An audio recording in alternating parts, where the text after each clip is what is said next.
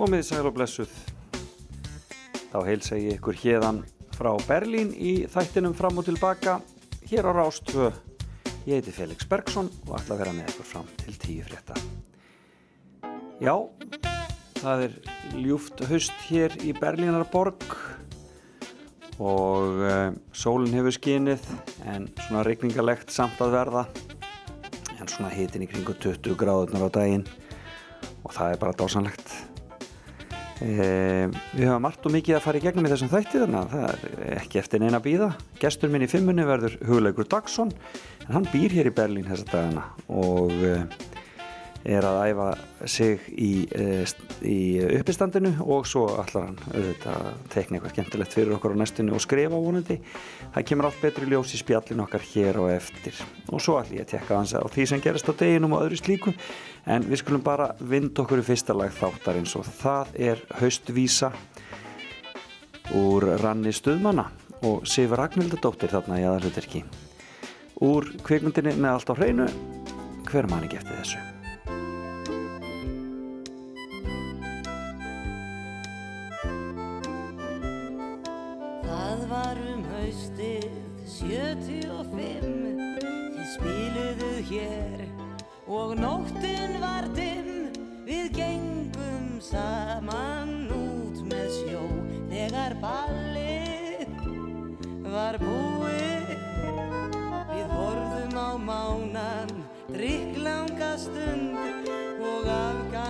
lögðum á dögvota grund.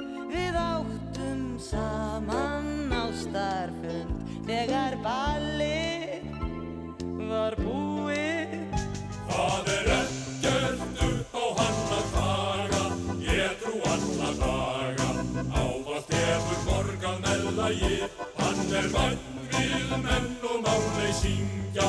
Létt er æðan stingja, því margvíslegt hann styrkir málefnið.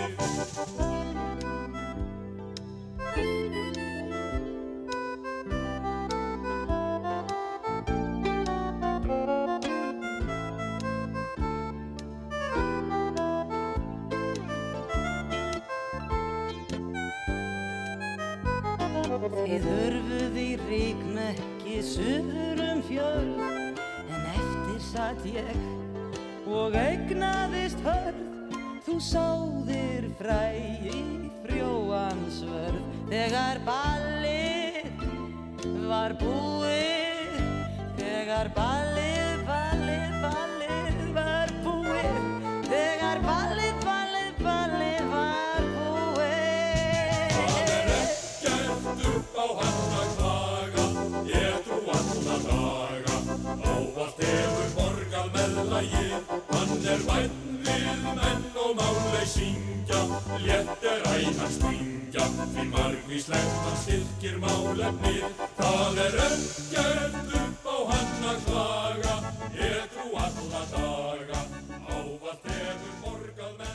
var Sifur Ragnhildadóttir á samt stuðmönnum að syngja haustið 75 úr kvikmyndinni með allt á hreinu. Og það var Áskir Óskarsson sem átti ógleymanlegan mótleik með henni þarna í þessu atriði. E, og e, já, algjörlega ógleymanlegt. Og einhver afskaplega rauðharður drengur sem að, já, væri gaman að vita hver var. Kannski einhver getur sagt mér það. Send mér skilabóð en e, það fyrir að líða því að Hugleikur Dagsson og við heyrum spjalli við hann. Ég fór á heimsóttan hérna niður í Neukölln í Berlín. Heilnátt ferðalag til hans en það var sannlega þess virði. Og við heyrum fimmann hans hér eftir smástund en byrjum á að heyri bróður hans sem að er aðal maðurinn í frábæri hljómsveit sem heitir Tilbury. Eh, þau gaf út eða hann gaf út lag fyrir nokkrum ára síðan sem heitir einfallega Tenderloin og það verður upptakturinn að viðtalinu við hugleik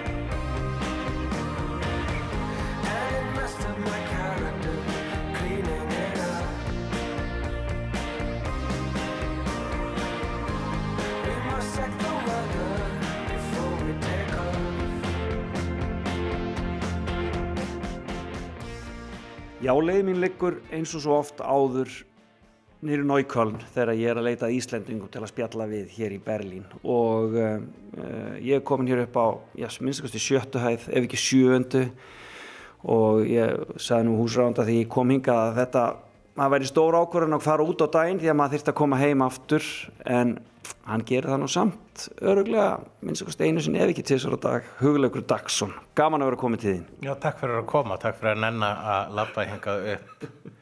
Er þetta svona þín vinnustofa á daginn? Já, ég vinn bara heima. Ég, einu sinni var ég eitthvað að leia vinnustofur sko í, fyrir löngu en ég áttaði mig smátt og smátt á því að það er bara peningasóun. Ég get þannig sé unnið mína vinnu hvar sem er. Já. Það er samt, uh, það er samt eitthvað, ég sakna þess að labba í vinnuna en ekki bara svona einhvern veginn skrýða, skrýða, detta á rúminu í vinnuna. Já, akkurat. Ná, bara en það er hægt að hella sér á gott kaffi, það er mjög stjálega hreinu. Hvað er þú múin að vera rengi hérna í Berlín? Ég er búinn að vera hérna í þrjú ár, ég, eh, að verða þrjú ár, ég hérna flutti hingað rétt fyrir COVID, bara kom eitthvað og þá kom COVID. Þannig að ég, af þessum þremur árum, þá eru tvö ár ekki tekin með. Þannig að ég er eiginlega bara búinn að búa hérna í eitt ár. En þú komst svona svolítið út af stand-up senni hérna, segður mér. Já, ég var alltaf hérna, ég var alltaf, var alltaf hér, kom hingað reglulega til þess að æfa mig í uppistandi vegna þess að uh, hér getur maður bara, ef maður er náðu duglegur, komist á svið á hver einasta kvöldi ef maður vill. Og þannig að ég notaði þetta ef að ég var að æfa eitthvað, eh, þurfti að vera kannski, var búin að lofa eh, klukkutíma sýningu eitthvað tíma setna árinu, þá var bara fint að koma hinga og bara gera eins mörg sjó og maður getur gert þangað til að maður er nó- nógu æfður. Notaði Berlín sem æfingarbúðir. Já. en það, og það er sena sem er þá uh, í rauninni enskumælandi hér Merkilegt nokk þá er nefnilega ennskumælandi uppistand senan í Berlín svo stærsta í Evrópu. Það er stærri ennskumælandi uppistand sena hér heldur en í London. Sko. Já, náttúrulega er London er svo hræðilega dýr það er ekki takt að komast á svið þar nema að borga, bara að höfka að sér að hendina Já, ég hugsa það líka, en ég líka, emitt, og, og London er, sko, Lo- London, New York, Breitland og Bandaríkin eru svo miklu lengra komin í þessu, þessu listformi Já. að ég er bara skítrættur við að bara, fli, að, fa- þú veist, ég get ekki hugsað mér að fara ángað með uppistand vegna þess að þarna, sko, þú veist, heklerarnir þar eru bara, hérna, með masterskráði. Já, heyrðu en það er sérstök fimma hjá þér í dag Já. e, Hryllingsmyndir eða hvað Jú, ég valdi fimm hryllingsmyndir sem að eyðlögðu líf mitt og um leið björguðu því. Já, Já. Og eigum við ekki bara að byrja strax á þeirri fyrstu Já, við skulum byrja á þeirri fyrstu. Það er mynd, sko, ég, hérna, ég, ég, ég raða þessu í krónulógiska röð eftir í hvenar ég sá þetta. Þannig að fyrstu myndina sá ég sem bann, reyndar fyrstu fjórar myndina sá ég sem bann. en uh, hérna, fyrsta myndin sá ég, hún er, hún er íslensk og heitir Draugasaga og er eftir Viðar Víkingsson. En allir þekkja, allir kalla myndina Rauðhærðu afturgönguna. Já, já, það tengist náttúrulega einu sem við erum að spila á þann. Tilbury með hérna Tenderloin Eh, en það náttúrulega er uh, Þormóður bróðinn og, uh, og það er Viðar Víkingsson líka sem hann gerði Tilbury hérna á sínum tíma. Já, það er sem sé hljómsveitin tilbyrju, ég nefnd eftir þessar mynd og bókinni, eða smásögunni eftir Þóran Eldjárn og, og myndbandið við þetta lag er samansett úr bútum úr tilbyrju myndinni.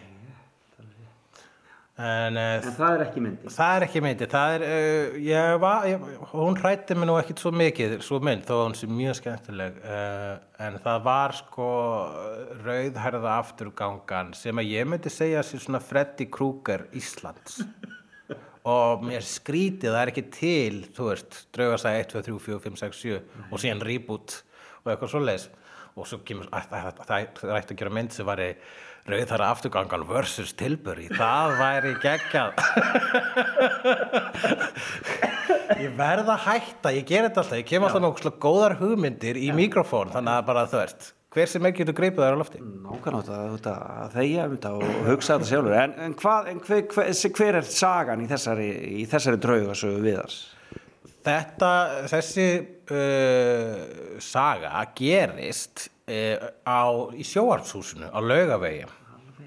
Og ég mannaði mér þegar ég sá þessa mynd, hún var líka sínd ykkur tíminn í sænska sjóarpinu og þar hétt hún spökar på TV eða draug, draugagangur í sjóarpinu Já, og þá það, þar segir bara einfalda frá því að það er draugagangur á í sjóarpinu það er hérna ég myndi segja að halda þetta smá undir áhrifum frá frá Brian De Palma og þa- þar að leiðandi óbeinum áhrifum frá uh, Hitchcock uh, vegna þess að uh, til að byrja með þá eru við látin halda að sé engin draugur. En uh, setna uh, vegna þess að þá hefur við látin halda að, að það sé hérna, næturvörður í hérna, á rúf sem að sem sé klæði sig sem rauðhara afturgangan sem að var sagt, kona með rautt hár í grænni stríðsáradrakt og hún svona ástandsáradraugur sko. og hún labbaði með sleggju sem er frábært hérna, vondukalla vopn.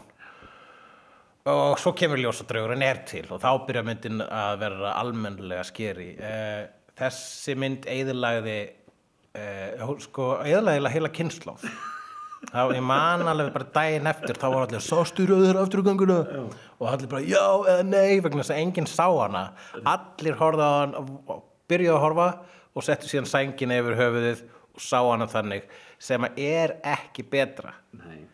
vegna þess að ímyndunafli gerir miklu verri hluti heldur en allar teknibrellur sem að íslenski kvikmyndur gera menn höfðu efni á þeim tíma.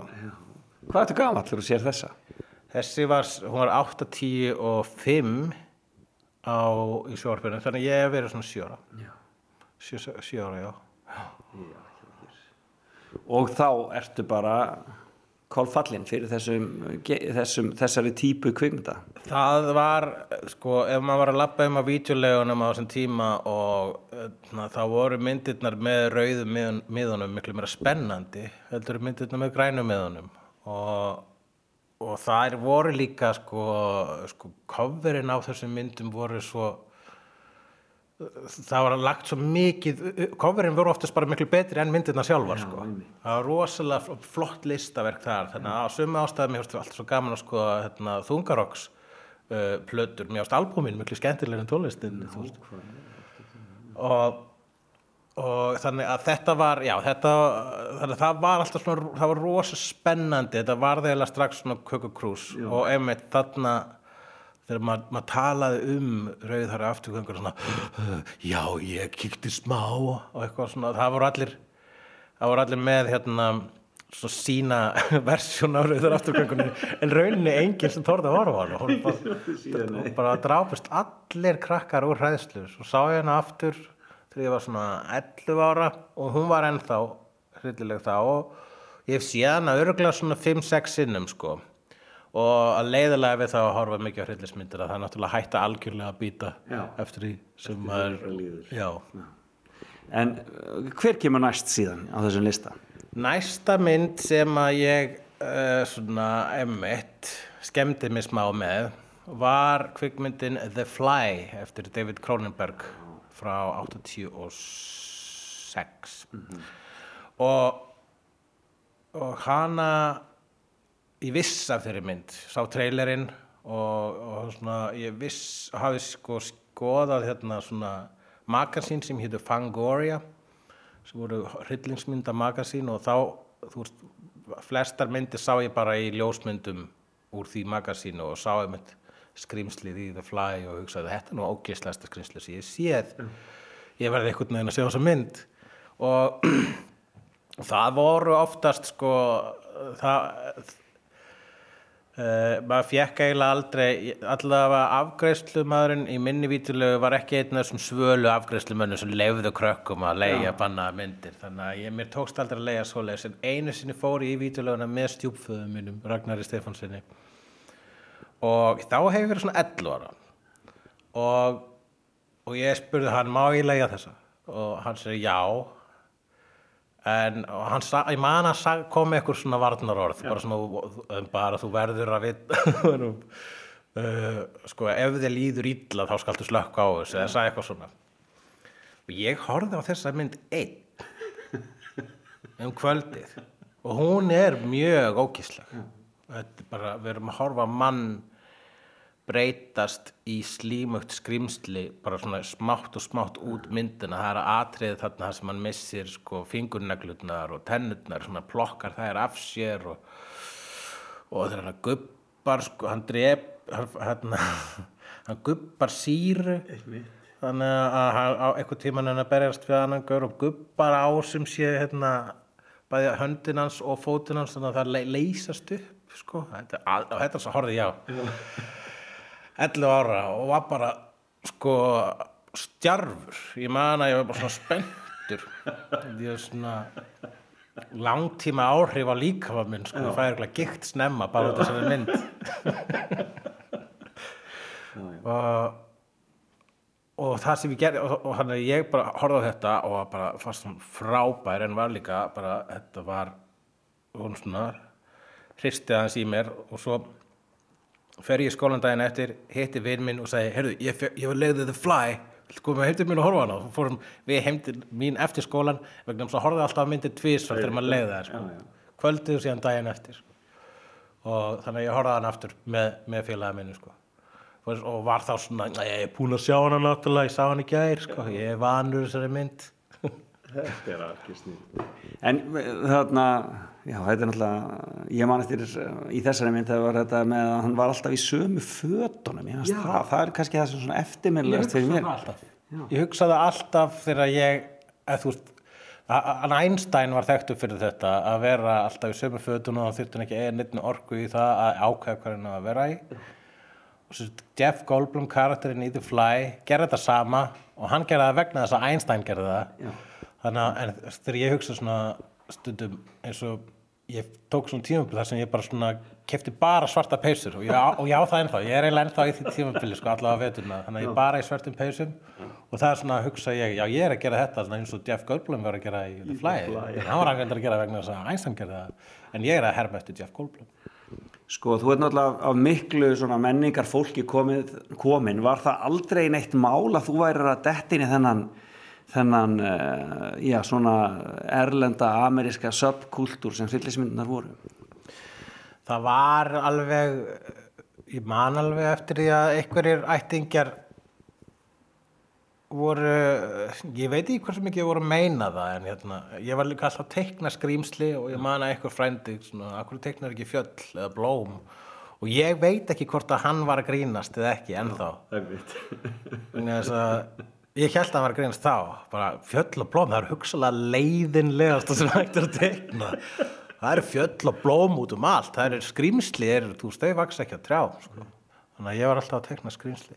En þetta, en þetta fer með þér svona inn í líka það sem þú gerir síðan í þínum, sem sagt, í þínu teiknumitaferli, það er, það, þú vinnur með hryllingin mjög mikið þar.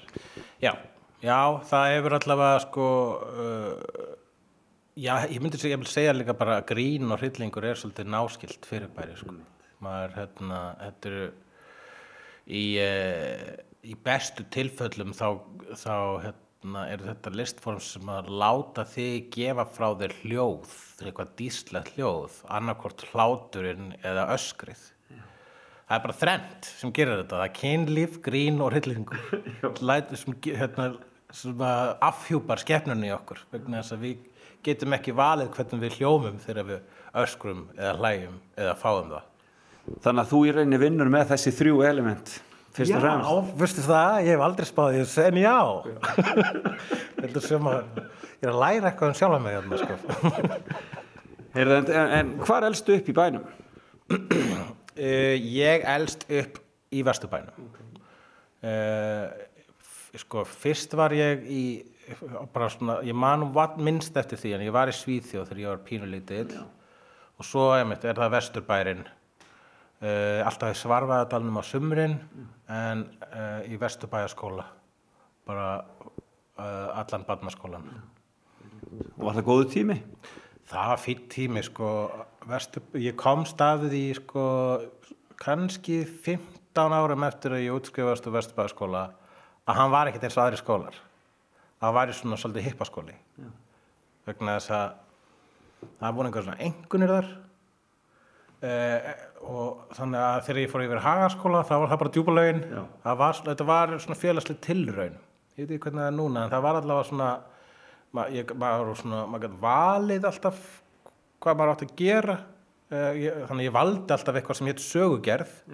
Það hétt fyrst atburðarblað og svo hétt að sögugerð og ég held að Vesturbæðaskóli vissi það ekki en þeir voru að kenna mér að gera myndasögur.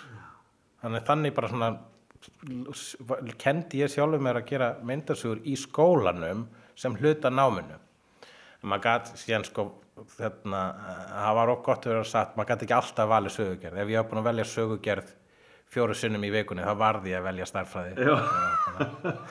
þetta náttúrulega leið og þeir koma með þessa frjá, frelsistilraun þá byrja krakkandar að misnota það Já, já, þá að, að, að leita í sinni eigin styrk. Ég meina, en, en, það, en varstu þá að lesa líka myndasögur mikið? Áttur einhverja sérstakar á, uppáhalds á þessum badnas, badsárum? Það var bara allt sem kom út á íslensku. Og þannig að uh, í rauninni þá eru allir íslendingar erum þekkja sömu myndasögurna sem eru Tinni, Svalur og Valur allar þessar Lukkuláki, Ástryggur þessar evrósku og svo er það Siglufjara prentsmiða sem var með uh, Kongulámaninn Rísan Hulk og Superman með tveimur ennum. Og uh, þetta las ég allt sko. Sérstaklega skemmtilegt að lesa það er, það er sérstaklega góður sapgripur sko siglufjörðar prentsmiðju blöðin, þau voru skemmtilega þýtt Og var það þá prentað fyrir norðan eða hvað? já, það var einhver einn gaur sem bara hérna sem að líka bara skrifaði mér eitthvað einhverju inn á inn í talblöðurnar og virtist ekki hafa hugmynd um hvað var að gerast vegna þess að það var alltaf beinþýtt. Hérna einhvern tímann segir kongulóðamaðurinn Rottur, hvað nú? Hann er að segja Rats Já, einmitt, já. What now? Eða þegar Superman segir við Lois Lane Lois, gerðu það skildum eftir einan og einhvern tímann þegar Batman er að kissa Catwoman þá segir Robin Ó, bróðir Þannig að og þetta sko, nú, sko já, það er eh, einhvern veginn á söm, sama hátt og sömur sko, sem þú lesa Andri Sönd finnst það ekki vera alvöru Andri Sönd nema að segja á dönsku þá finnst mér þetta eiginlega ekki vera alvöru kókulámaður nema að segja illa þýttur sko. Var siglu fyrir að brendi. Heyrðu þriðja hryllismyndin. hún var sínd á rúf uh, 80 og 9 uh, já, hún var sínd kannski svona já, ég hef verið 12 ára þá hún er frá 89 þetta er sko sjóasmynd sem heitir Woman in Black. Og leiksturinn heitir Herbert Weiss. Uh, er ekki þekktu fyrir mikið hana en leiksturinn heitir I Claudius þáttunum. En, þessi eh, mynd er eftir skáldsögu eftir Susan Hill og er bara draugasaga alveg eins basic og þær gerast það er bara svona bókaldari sem er að fara yfir dánarbú hjá gamalli konu sem að dó ekki fyrir svo löngu síðan þannig að hann er bara einn í húsinu hennar. Og það er 90% myndarinnar. Hann einn í húsinu og við heyrum á til eitthvað hljóð og það er eiginlega aldrei neitt sínt og þetta drap mig sko. ég horfði á þetta með pappa mínum í sofa og af þeim sem ég talið þarna upp þá er þetta myndin þarna flög ég á nálat sólinni sko.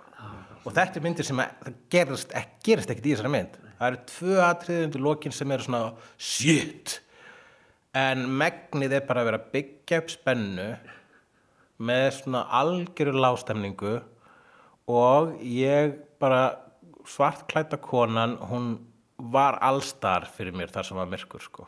ég bara sá hana, eða þú veist ef ég er að fara að hlaupa neyri kjallara þá hljóp maður alltaf svona upp sko, þegar maður var búin að sækja það sem maður var að sækja. Vegna þess að ég bara sá fyr, fyrir mér svartklætu konuna allstar ef það var dimmt og og ge, veist, og ég hérna, hún ég, ég, ég sá hana hérna 12 ára og svo bara hef, hef, leitaði að henni svona, ég, ég hérna, ferðaðist heiminn leitandi að þessari mynd. Þess að hún var ekki til að vítulega með henni eitt. Loksins bara þegar DFD kom og þá eru það svona rétt upp úr þetta svona, það hefur verið svona 2002 eða eitthvað sem að ég fann hana á DFD hórði á hana þá aftur með hýrti frænda mínum og, uh, og hún eiðilagði okkur aftur, ég var svo gladur Það væri svona hræðilegt. þetta væri svona sko, þetta ge- ge- gekk svona vel og, og ég hef hortið á hana einu sinni síðan þá ég fer rosalega sparlega með þessa vegna þess að ef ég horfi eitthvað sem á hana og ég er ekki hrættur þá er eitthvað dáið innra með mér. En var þetta ekki leiksýning líka í London? Jú, einmitt, ég hef heyrt af þessu leiksýningu þar sem að einmitt, það var mjög mikið myrkur og þau, þau, ég hef heyrt af því hversu vel þau nýttu bara myrkrið í, á sviði. Það er atriðið þarna uh, hvað sýsti mér sagði mig frá því að maðurinn gengur yfir sviði með kerti og við sjáum ekkert nema andlita á mannunum og kertið svo allt í henni sjáum við andlitið á svarklættu konunni þar sem hún blæs á kertið. Og þetta, einmitt þegar leikrit tekst að gera svona tekst að hræða mann, það, það er afreg þetta er alltaf spurning um þetta er less is more sko. Þetta er kannski bara sama tilfinningin og þegar fólk setur sængina púðan fyrir. Já. Þá ertu bara í myrkrinu og þá veistu í rauninni þá bara tekur ímyndanafli við. Einmitt, ég hugsa að það sé bara einmitt sálfræðin og bakvið Woman in Black, það er við ætlum að hræða þig eins og ef þú værir þú veist, sjö ára barn á með sængin yfir hausnum að ímynda sér allt Hefur eitthvað um komið til greina hjá þér að skrifa hryllingsmynd? Ég er með uh, allavega byrjunum á eitthvað svona handritur sem ég dunda alveg á tveimur handritur sem ég dunda mig við sko, að skrifa skrifa hrylling og ég fer alltaf aftur í það sko, er með nokkrar hryllingsmynda hugmyndir sem ég er alltaf að segja upp átt í podcastum og útvarstáttum en uh, mikið af því er sko grín grín hryllingsmyndir. Að mér, ég bara er, það er mitt comfort zone. Uh, í rauninni hugsa ég að skrifa sko hrylling sem er ekki fyndið, þá er í rauninni alltaf þegar mér dettur eitthvað fyndið í hug, ekki skrifa það. bara, það þarf ekki neitt að segja neitt sniðut núna. Villi. Það er eiginlega verið meira skeri ef einhver gerir það ekki. Já, að það verður svona, ef ég gerir það þá er það, er það svona æfing fyrir mig bara svona í að reyna ekki að vera sniðugur. svona eins og Latti gerði þannig að sínum tíma Já. og hefur gert svolítið heyrðu, en við skulum taka okkur smá pásu. E, þú valdir lag til að spila hérna á milli. Já, ég valdi lag sem að svona ég tengi við bara mitt bíómyndagláp frá þessum tíma sem við erum búin að fara yfir núna og það er uh, úr Goonies sem er eiginlega barnahryllingsmynda að einhverju leiti og það er hún Cindy Lauper með Good Enough. Lag sem að bróður minn coveraði einu sinni líka. Heyrum Cindy Lauper og svo höldum við hugleikur Dagsson áfram að spjalla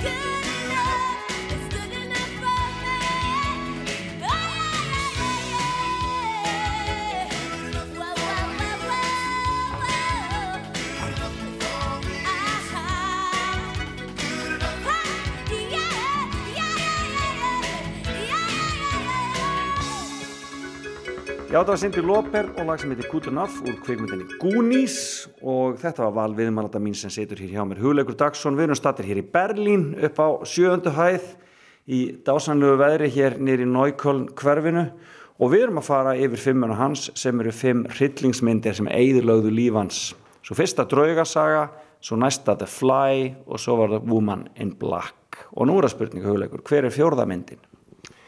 Hún svona eiðilaði eiginlega ekki líf mitt, sko, hún er svolítið undartekning á þessum lista vegna þess að, uh, já, ég, hún, ég fekk enga, já, ég, ég fekk enga svona myrkfælni kringum hana, en hún hins vegar, sko, síndi mér nýja hlið á hryllingi sem er splatterinn. Og þetta er kvikmyndin Bad Taste eftir Peter Jackson, sem er frá 87 og uh, þessa mynd ég held að það hafi bara verið þrándur frændi minn sem að síndi mér hann eitthvað tíman og skellt henni í tækið og ég bara vissi ekki að þetta væri hægt. Þannig að sko ég ha haf, hafði séð The Fly þannig að ég hafði alveg séð sko svona body horror og séð svona viðbjóðin. En, þegar að, en að taka viðbjóðin svona langt og gera hann bara viðbjóðsins vegna. Það var listform sem að ég vissi ekki að vera til það er mjög fyndið að ímynda sér að þessi leikstjóri hafi síðan setna gert Lord of the Rings myndina. Uh, en það vottar nú, það er smá svona horror svona, svona, sem svífur yfir vötnum þar. En Bad Taste er mynd það sem þú veist, bara hún byrjar á því að eh, einhver skýtur eh, hérna hálfan hausinn af manni og fer síðan að borða heilan úr haus, hausskálinni sem það setur eftir. Og þessi mynd er algjörlega heima gerð, þetta, hún er gerð fyrir eiginlega engan pening þannig að það er svo gaman að ímynda sér að Peter Jackson og kannski mammans hafa verið að, að í eldhúsinu allar nótt að kokka upp eitthvað sem lítur út úr sig heili eitthvað búðingur og ég veit ekki hvað. Já, einmitt. Það er greinlega eitthvað sem er ætt vegna þess að eitthvað þarf að borða þetta í myndinni. Það er líka atriðið þarna sem að það sem að uh, fullt af fólki ælir í uh, skál og síðan já, einhver, nei, það er einn gaur sem ælir í skál og síðan fara allir að drekka æluna, láta skálina ganga og ég held að það sé í fyrsta skipt sem ég kúaðist yfir bíómynd svo kúaðist ég aftur næst yfir bara næstu mynd sem að Peter Jackson gerði sem heitir Braindead þar sem að einhver borðar og vart eira sitt sem að missir honi búðing þá kúaðist ég aftur þannig að Peter Jackson er tvís að láta mig kúast Já, já hann er, er hann ekki ástralskur eða er hann nýsjálanskur? Hann er nýsjálanskur. En þarna, já, þannig að en það, þarna detturinn í splatterinn. Já, og þarna og þetta var bara já, það var bara eh, sko, allur þessi tími sem maður hefði verið sko, þegar maður hefði, allur þessi skipti í vídeoleguna þar sem maður hefði ekki fengið að leia bannaða mynd. Og var maður búin að, maður búin að svona einhvern veginn mikla fyrir sig hvernig að væri að sjá hann loksins einhverja bannaða mynd. Og uh, en sem gerðist það kannski af og til og, og þær voru aldrei það ógíslegar þannig að þessi sko bætti upp fyrir það sko, vegna þess að einmitt, maður var búin að samkvæmt öllum þessum uh, þessum hérna, forsýðum á vídeospólunum þá, þá bjóst maður alltaf við svo miklu en hér var mynd sem að hérna, gaf miklu meira heldur en hann lofaði á forsýðinu sko. En hvernig, sko, þegar þú byrjar að gera þína myndasögur og, og þar kemur nú sannarlega splatter við sögu, um, mannst eftir því þegar þú svona fóst að þóra að setja þetta út fyrir augu annara? Það var nú bara þannig að þessar, þessar myndasögur sem ég geri sem einmitt er uh, mannlegur horror í sinni uh, verstu og húmoriskustu mynd þá það var eitthvað sem að ég gerði e, á milli fyrsta og annars ás í LHI Já. og þá var ég í verkefni á svona tveimur örum listnemum eh, bara um sumarið þar sem að við vorum að dreifa okkur út um allt land og, og við vorum á Seyðisfyrði Já. og áttum að vera með sýningu og ég var nú búin að mála eitthvað varslitamálverk af háköllum að borða fólk og eitthvað svo leiðis en vantaði eitthvað að verka á sýninguna þannig á síðustu stundu byrjaði ég að teikna þessar teikningar. Þannig að þær eru svolítið svona slis eða svona hérna, deadline panic. Og þannig að ég hugsa það að ég hafi bara um, að umhugsuna laust teiknaði þetta, þá bara teiknaði bara svona vestasmitt þetta í hug sem var líka óslega krútulegt og þetta og þannig að ég var, það var aldrei einn ákvörðunum að ég ætla að sína ykkur svona, að ég, að ég var eitthvað svona kokketta í leini og síðan að sína ykkur um þetta vegna þess að þetta var bara daginn sem að sýningin átti að opna. Ég var að flýta mér. Já. þannig að ég bara svona einhvern veginn bara guppaði þessu upp um mér og setti uh, þetta á sýningun og fólk var bara svo hrifaði þessu þá þannig að, að það var, eh, já, þetta bara viðbröðin eiginlega á þessum degi ákvaði ég að ég myndi gera meira vegna þess að viðbröðum voru það góð á sýningunni Já. en þetta gerist allt á ég teiknaði þessar fi- svona 30 myndir á 30 mínútum sko. þannig að ég vissi ekki að þetta er starfið mitt en viðbröðum voru svo góð á þessar sýningu og ég hugsaði, ég getur örugglega að fengið ykkur að þúsund kalla fyrir þetta sko.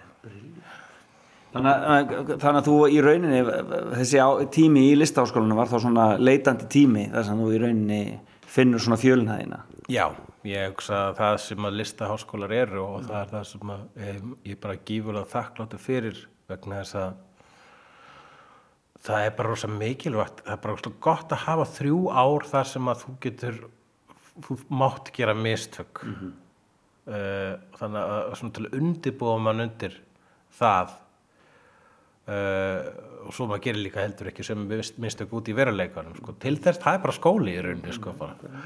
En kom aldrei til greina annað en að fara í myndlistina Nei, það kom aldrei neitt til greina sko. Mér langar alltaf að gera eitthvað svona skapandi annarkvort myndlist eða, eða eitthvað svona kvikmyndatengt uh, vegna þess að það, bara, að, það hefur bara síðan í mann eftir mér var það bara það sem að vakti áhuga minn ég, bara, ég er búin að vera að tekna síðan áður í mann eftir mér og, uh, og búin að vera að lesa myndasugur ég sko Já, ég man bara þegar, ég held ég að lærði bara að lesa í gegnum myndasugur. Ég lærði líka ensku í gegnum myndasugur, bara með að lesa matmagasín.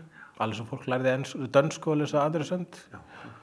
En, en, en ekki hvernig átt að tala ensku, tala dönsku, bara hvernig átt að lesa. Hvernig þú lesa hana, akkurat Já, en Úlfildur sýsti, hún hefur svolítið verið í hryllingnum líka, eða ekki? Jú. Jú, það er fyrir vegna þess að við erum sko ekki uppeldur sískinni. Nei, ok. Við erum bara áhugi okkar á þessum svona, já, á þessum listgeirum og það er, já, er sem sé bara vaknað í sitt hverju lægi hjá okkur báðum, sko, þannig að, þannig að uh, hún hefur oft verið svona, að gerna bent mér á hvaða hryllingur er góður og ég bent henni á hvaða myndasögur er góður og svoleiðis. Hún er alltaf meiri í litteratúrnum, eða ekki? Jú, jú mjög mikið hryllingslitteratúr sko. og lánaði mér held ég eitthvað tíma bókina að Woman in Black bókina sko. Já, og ég byrjaði að lesa hana og svo bara nei, djúfis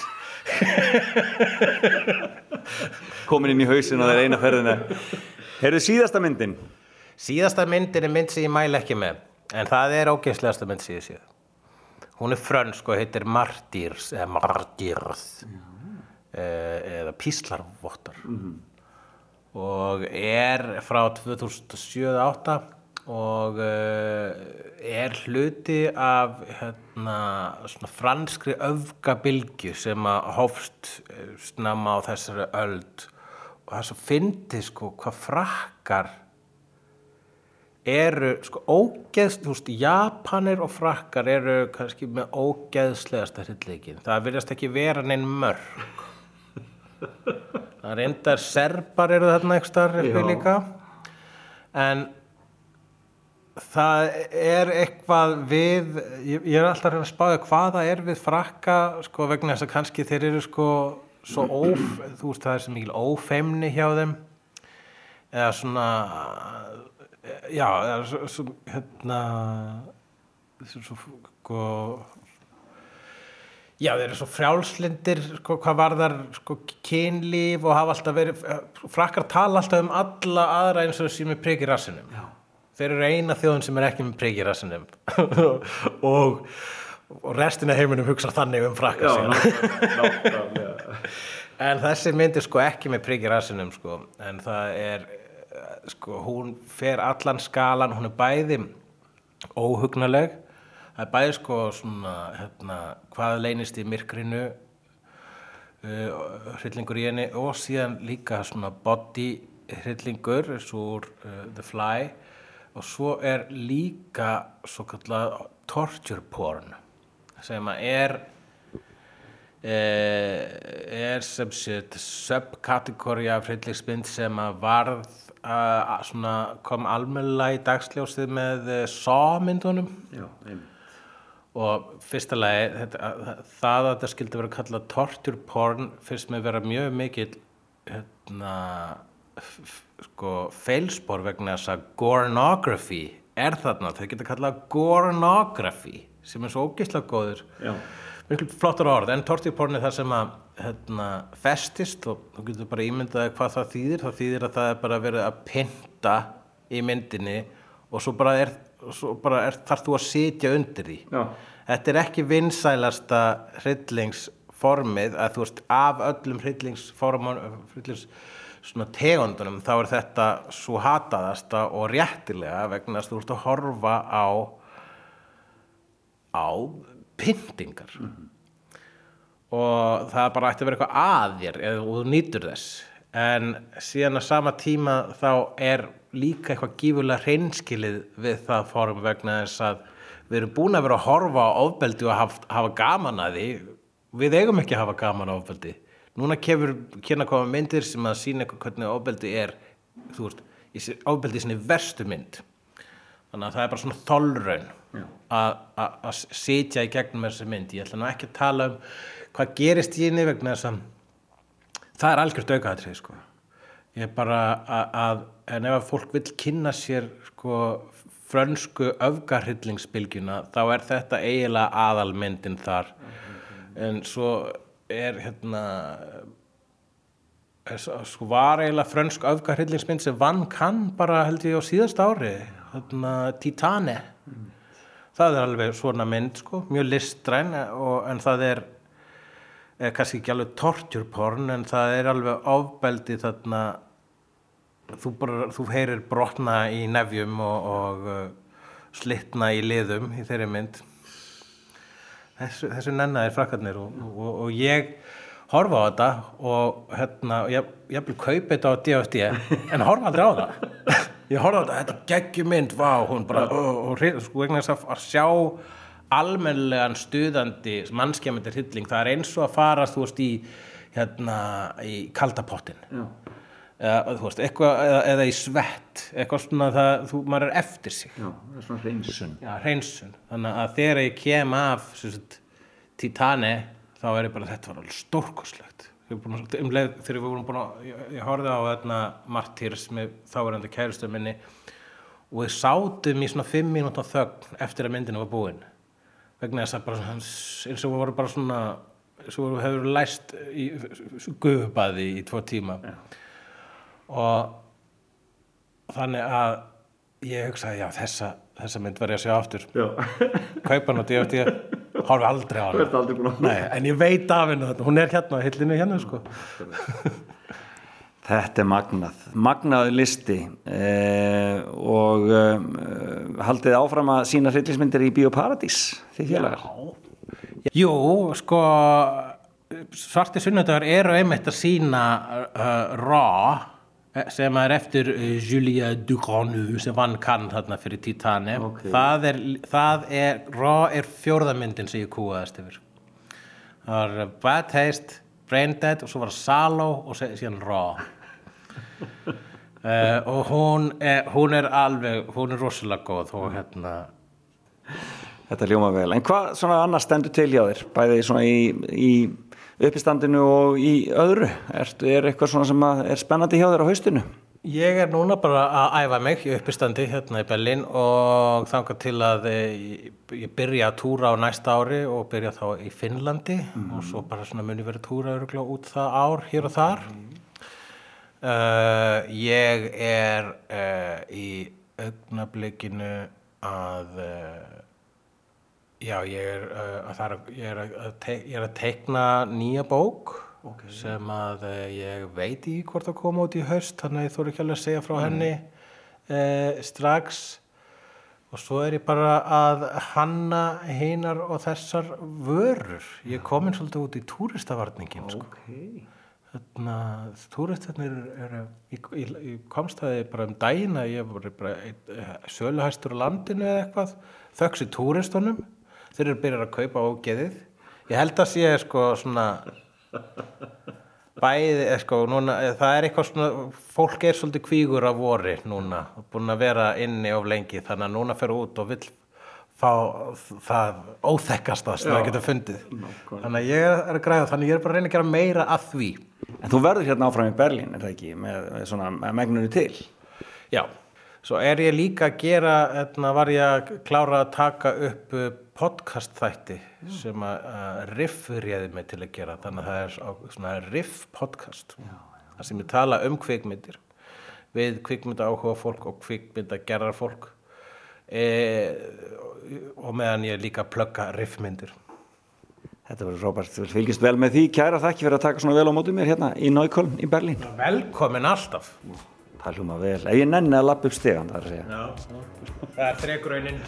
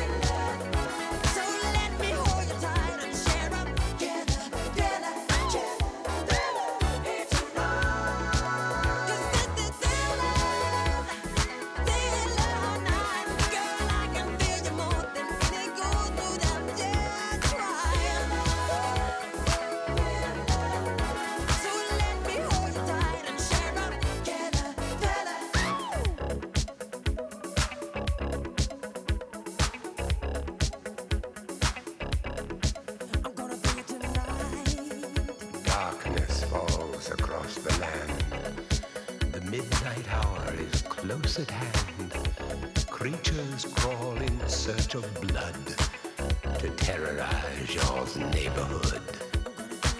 And whosoever shall be found without the soul for getting down must stand and face the hounds of hell and rot inside a corpse's shell.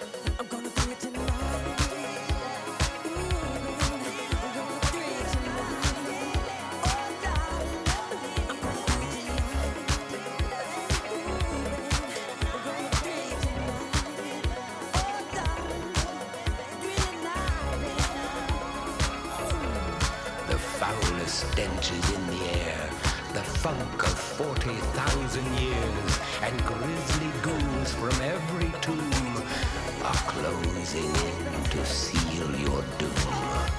And though you fight to stay alive, your body starts to shiver for no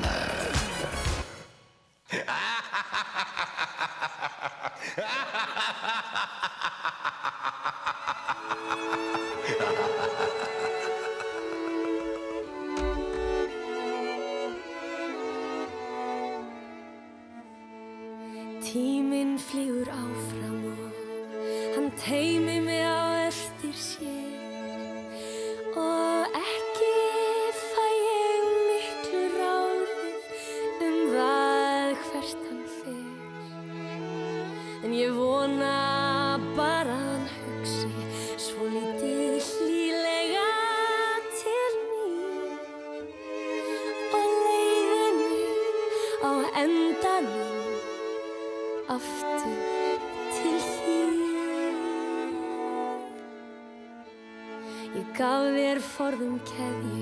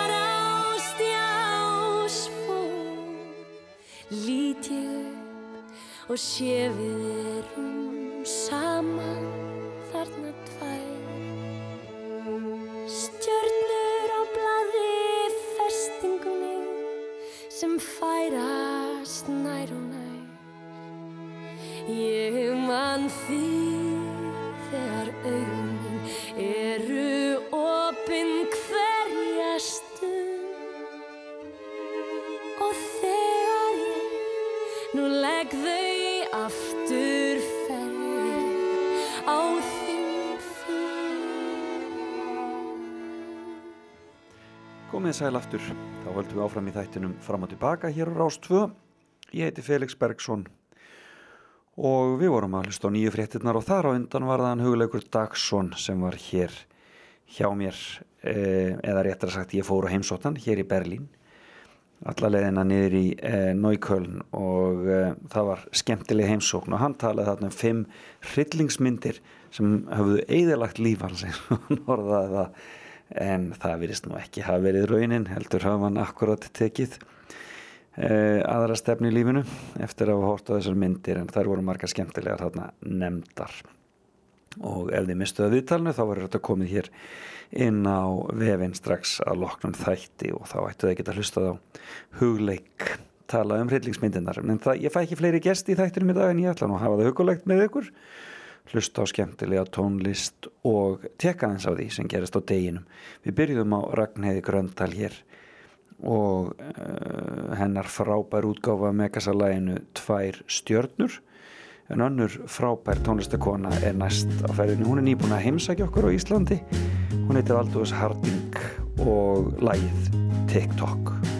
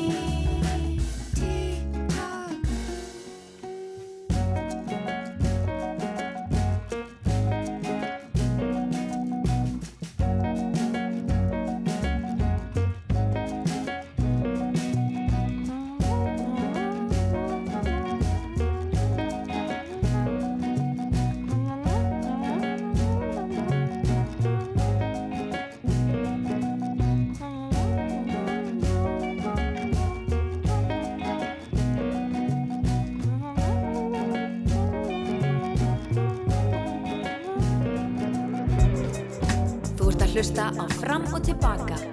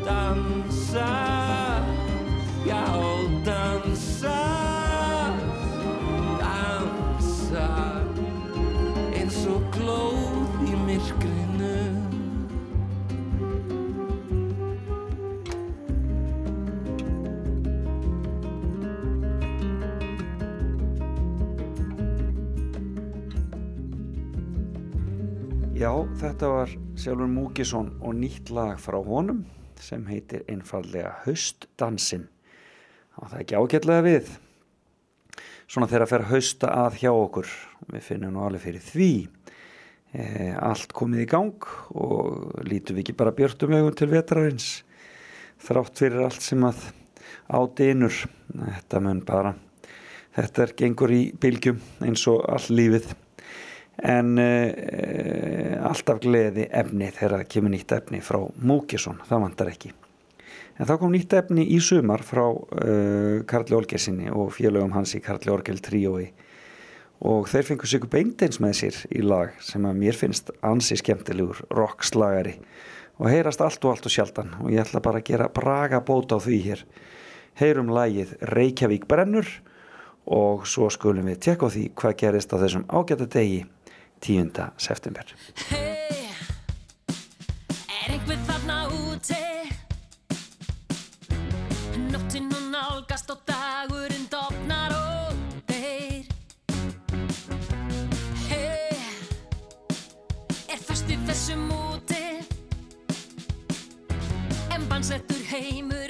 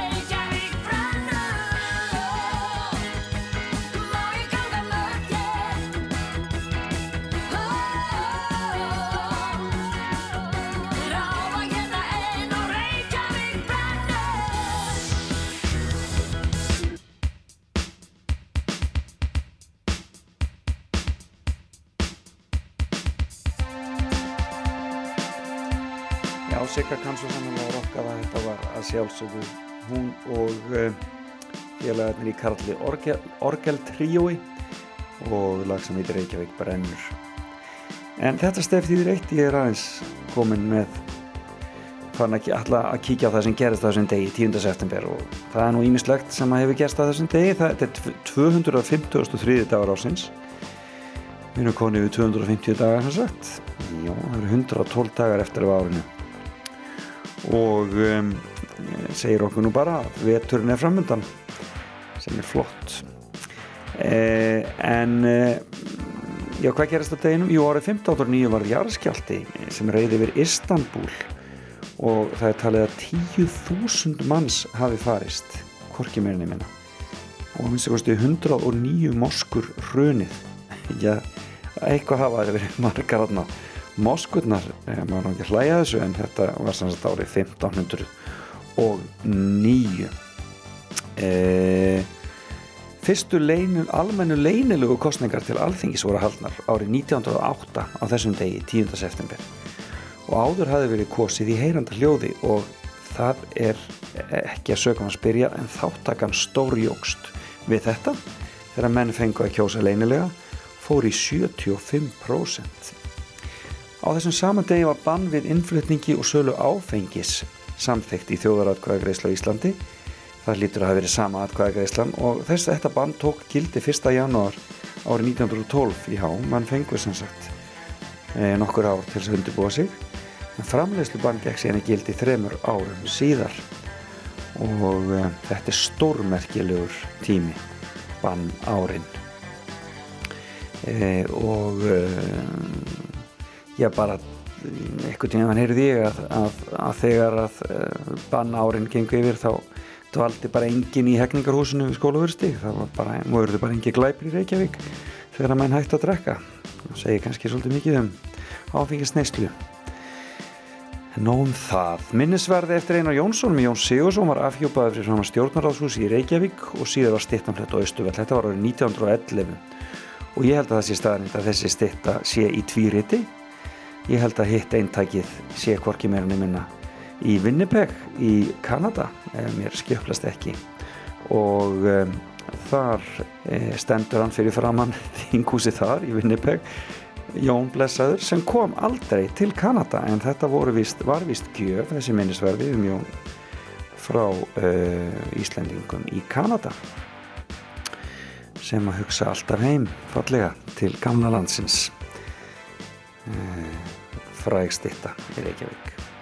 Árið 1942 gerði Þísk orustuflugvel árás á tvo bæja á Breiðdarsvík og á fimm báta úti fyrir Östurlandi skemmtur eru þú húsum en fólk slapp án meðsla hvers vegna í óskopunum þeir voru að gera þess árás það er algjörlega óskiljanlegt. Þetta var 1942 1950 í Helliskerði í Hafnafyrði var afhjúpað minnisverðum Bjarnar Sývertsen sem hóf vestin í Hafnafyrði 1793 og hefur verið nefndur faðir Hafnafjörðar já, stórmerkilegt. 1974 Portugal viðkjenti sjálfstæði Gíneu Bissá og nú komið tími til. Og sjóíþróttafélagi Sæfari var stopnað á Ísafyrði á þessum degi árið 1978. Síðan eru tónleikar sem voru haldnir á þessum degi árið 1982. Resarokk voru haldnir í Laugastallshöll af aðstandendum kvikmyndarinnar Rock í Reykjavík. Og ég tekkaði á þessum Resarokk tónleikum og þar voru nú margir skemmtilegir sem komu fram.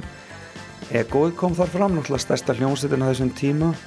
Eh, grílurnar líka þeir, þursaflokkurinn og baraflokkurinn komu fram á Rísarokki og um, þarna var mikið um tónleikahald því að tveimur vikum fyrr hafiði melarokkið verið haldið. Og uh, þar komu líka fullt af hljómsveitum fram. Aldrei veit að ég spili svolítið þessum hljómsveitum hér á eftir. Já, hljómsveitin Nirvana slóði gegnum smáskifinni Smells Like Teen Spirit á þessum degi árið 1991 og Sviss gerðist aðila saminuðu þjóðanum árið 2002 náttúrulega alltaf þekktir fyrir einhvers konar eh, hlutleysi. Ég veit ekki hversu mikið hlutleysi það er að vera ekki aðila saminuðu þjóðanum en annað svona merkilegt er ekki hér að finna. E, það er fjöldin allir að ammælisbörnum svo sem á þessum degi til dæmis e, Guy Ritchie enski leikstjórin sem var eiginmaður hennar Madonnu og uh, Lovisa Elisabeth Sigrunadóttir eða Leilo hún á líka amal í dag. Og ég óska öllum amælisbötnum hvar sem þið eru innilega til hamingju með daginn.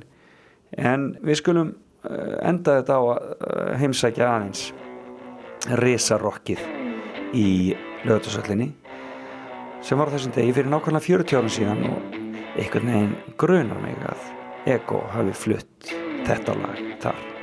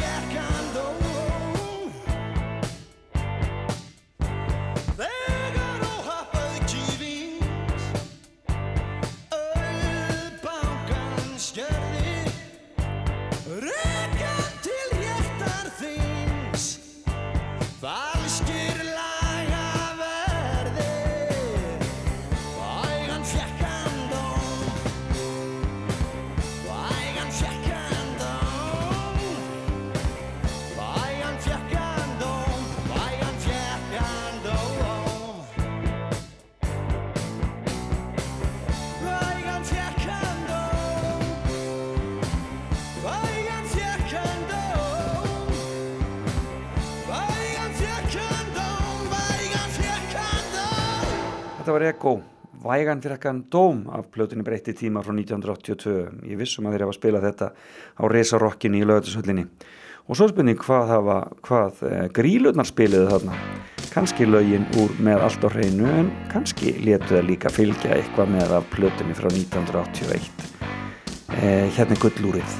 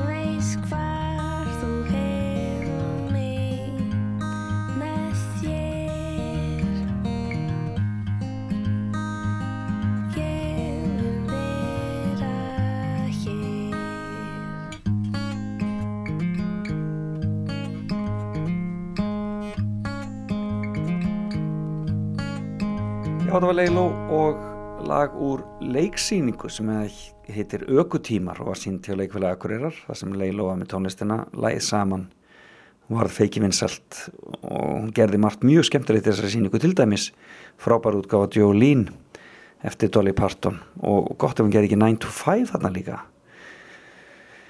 Já, ég veit það ekki, en hún á semst amal í dag, hún lofísa Elisabeth Sigrunadóttir og uh, við óskum henni innilega til hamingju uh, og uh, hún á korki meirinni minna en fertugsammali í dag.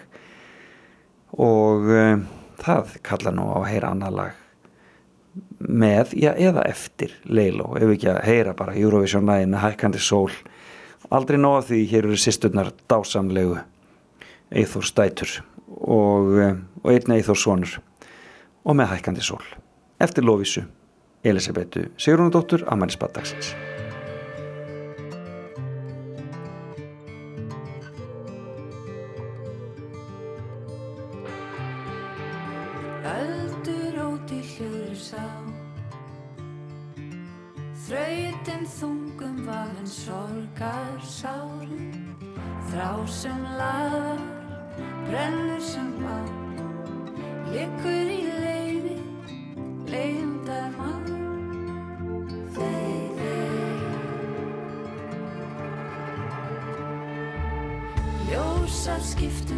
að sjá. Fegurð í frelsi sem þokast nær. Þó nætur húmið skelli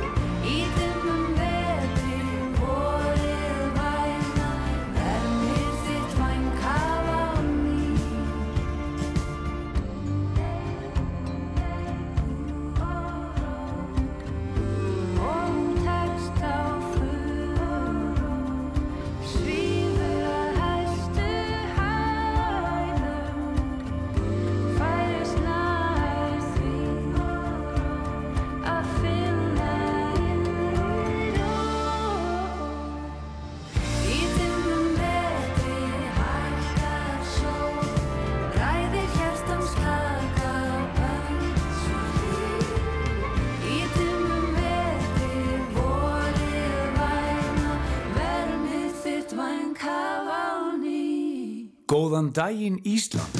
Fram og tilbaka á Rástvö.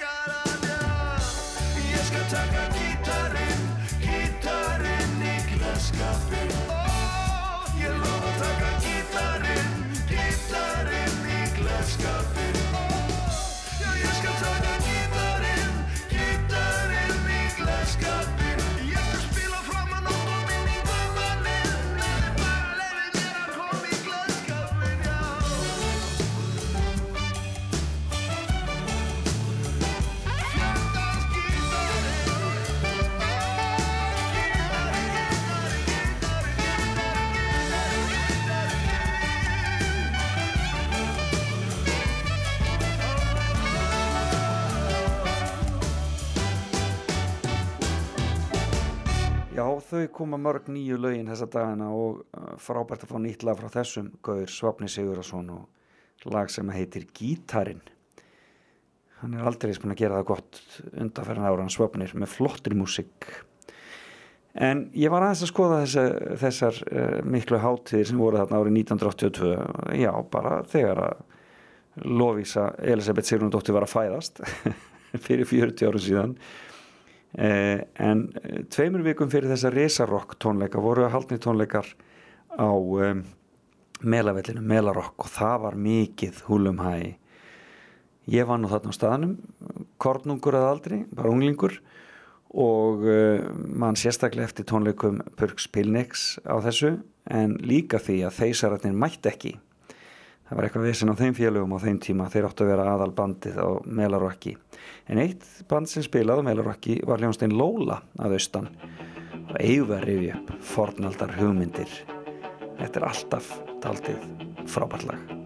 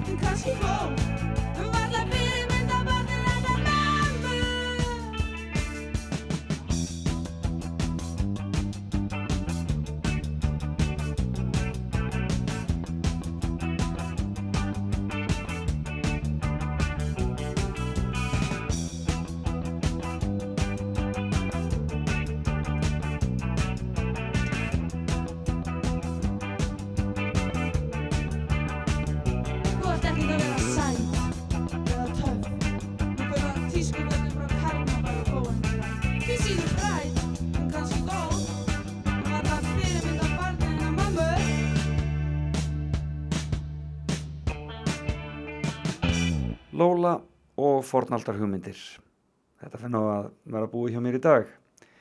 Um, margt framöndan eins og alltaf hér hjá okkur á Rástvö og eh, ég hvet ykkur eins og alltaf bara til að vera með okkur hér og, og njóta laugardagsins og þess sem upp á er bóðið.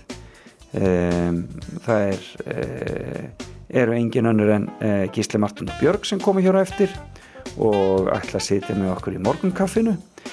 Eh, Þau komin á fullt í sinni sjómasvinnu en hafa nú samt tíma til að sitja með okkur hér á Rástvö.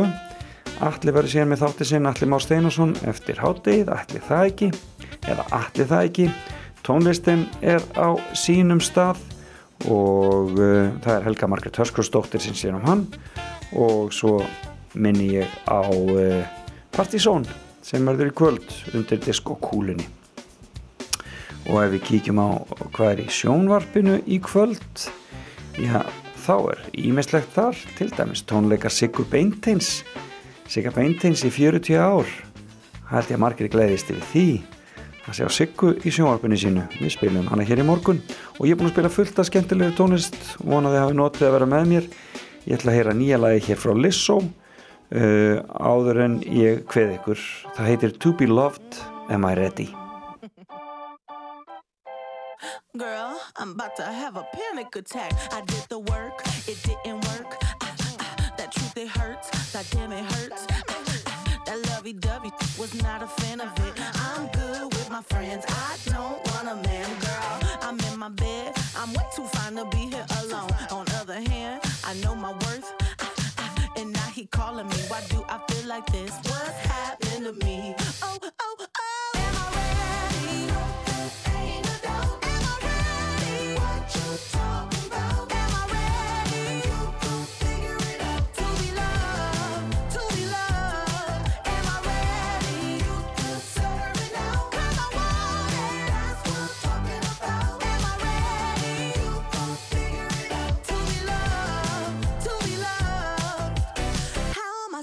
love somebody else when I don't like myself? Like, ooh, guess I better learn to like this. Ooh, it might take my whole life just to do.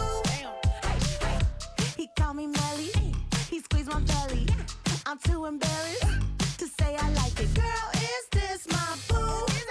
That's why I'm asking you, cause you know I've been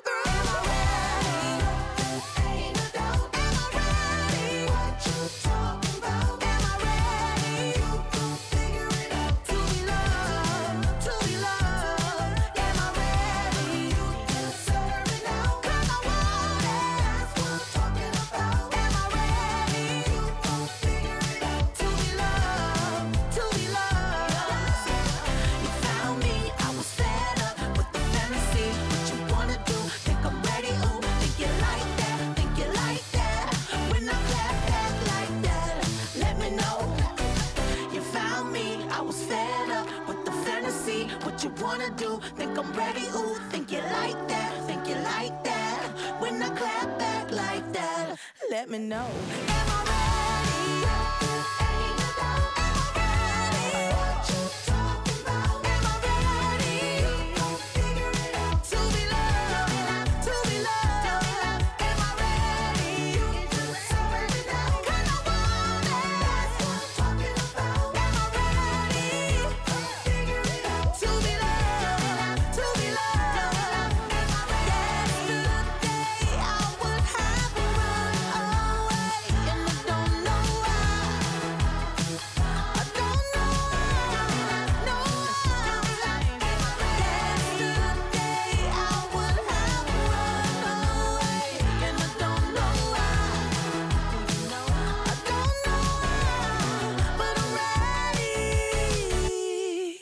Lissó var það heitlin, hún er eins og allra vinsalist í dag. To Be Loved, Am I Ready heitir lagið. Og þetta var næst síðasta lagið hjá mér í dag. Ég ætla að lefa þursaflokkinum að klára þetta. Þeir tróðu upp þarna á reysarokkinu fyrir 40 árum í lögutusöllinni og um, þá voru þessi lög að koma frá þeim uh, að plötunni getur eins verið. Uh, hver vill elska eh, 49 ára gamlan mann og það allt saman en við skulum enda þetta á þessu frábæra lagi sem heitir Pínulítill Karl. Felix Bergsson þakkar fyrir sig þakka viðmannanda mínum huguleiki dagsinni og þið finnið þáttinn á öllum e, vefmiðlum e, fyrir en varir bæði á rúf.is og svo líka auðvitað á hlaðvarsveitum en heyrumst aftur eftir viku. Takk fyrir í dag og bless bless